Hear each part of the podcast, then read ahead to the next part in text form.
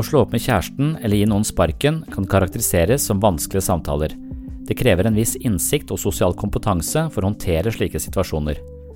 Ærlighet er en kunst. Evnen til å være oppriktig setter jeg som en av de viktigste egenskapene ved mennesket. Dessverre er det slik at vi altfor ofte tar små snarveier for å komme oss lettere unna en situasjon. Vi serverer små løgner for å opprettholde en god stemning, men prisen vi betaler kan være høy på sikt. Når vi tilstreber å snakke sant så langt det lar seg gjøre, vil det vi sier veie tyngre. Vi blir sett på som troverdige, forbundet med integritet, stabilitet og ærlighet. Vi blir et menneske som andre kan stole på, og vi blir et menneske som kan stole på seg selv. Noe jeg hevder er en vesentlig del av god selvfølelse. I episode 61 på Sinnsyn oppsummerer jeg en bok som guider deg gjennom de vanskelige samtalene. Hvordan gjør man det, eller hvordan våger man det? Hvis ærlighet er en kunst, er det kanskje noe man må praktisere for å beherske på en god måte. Det er ingen lett oppgave.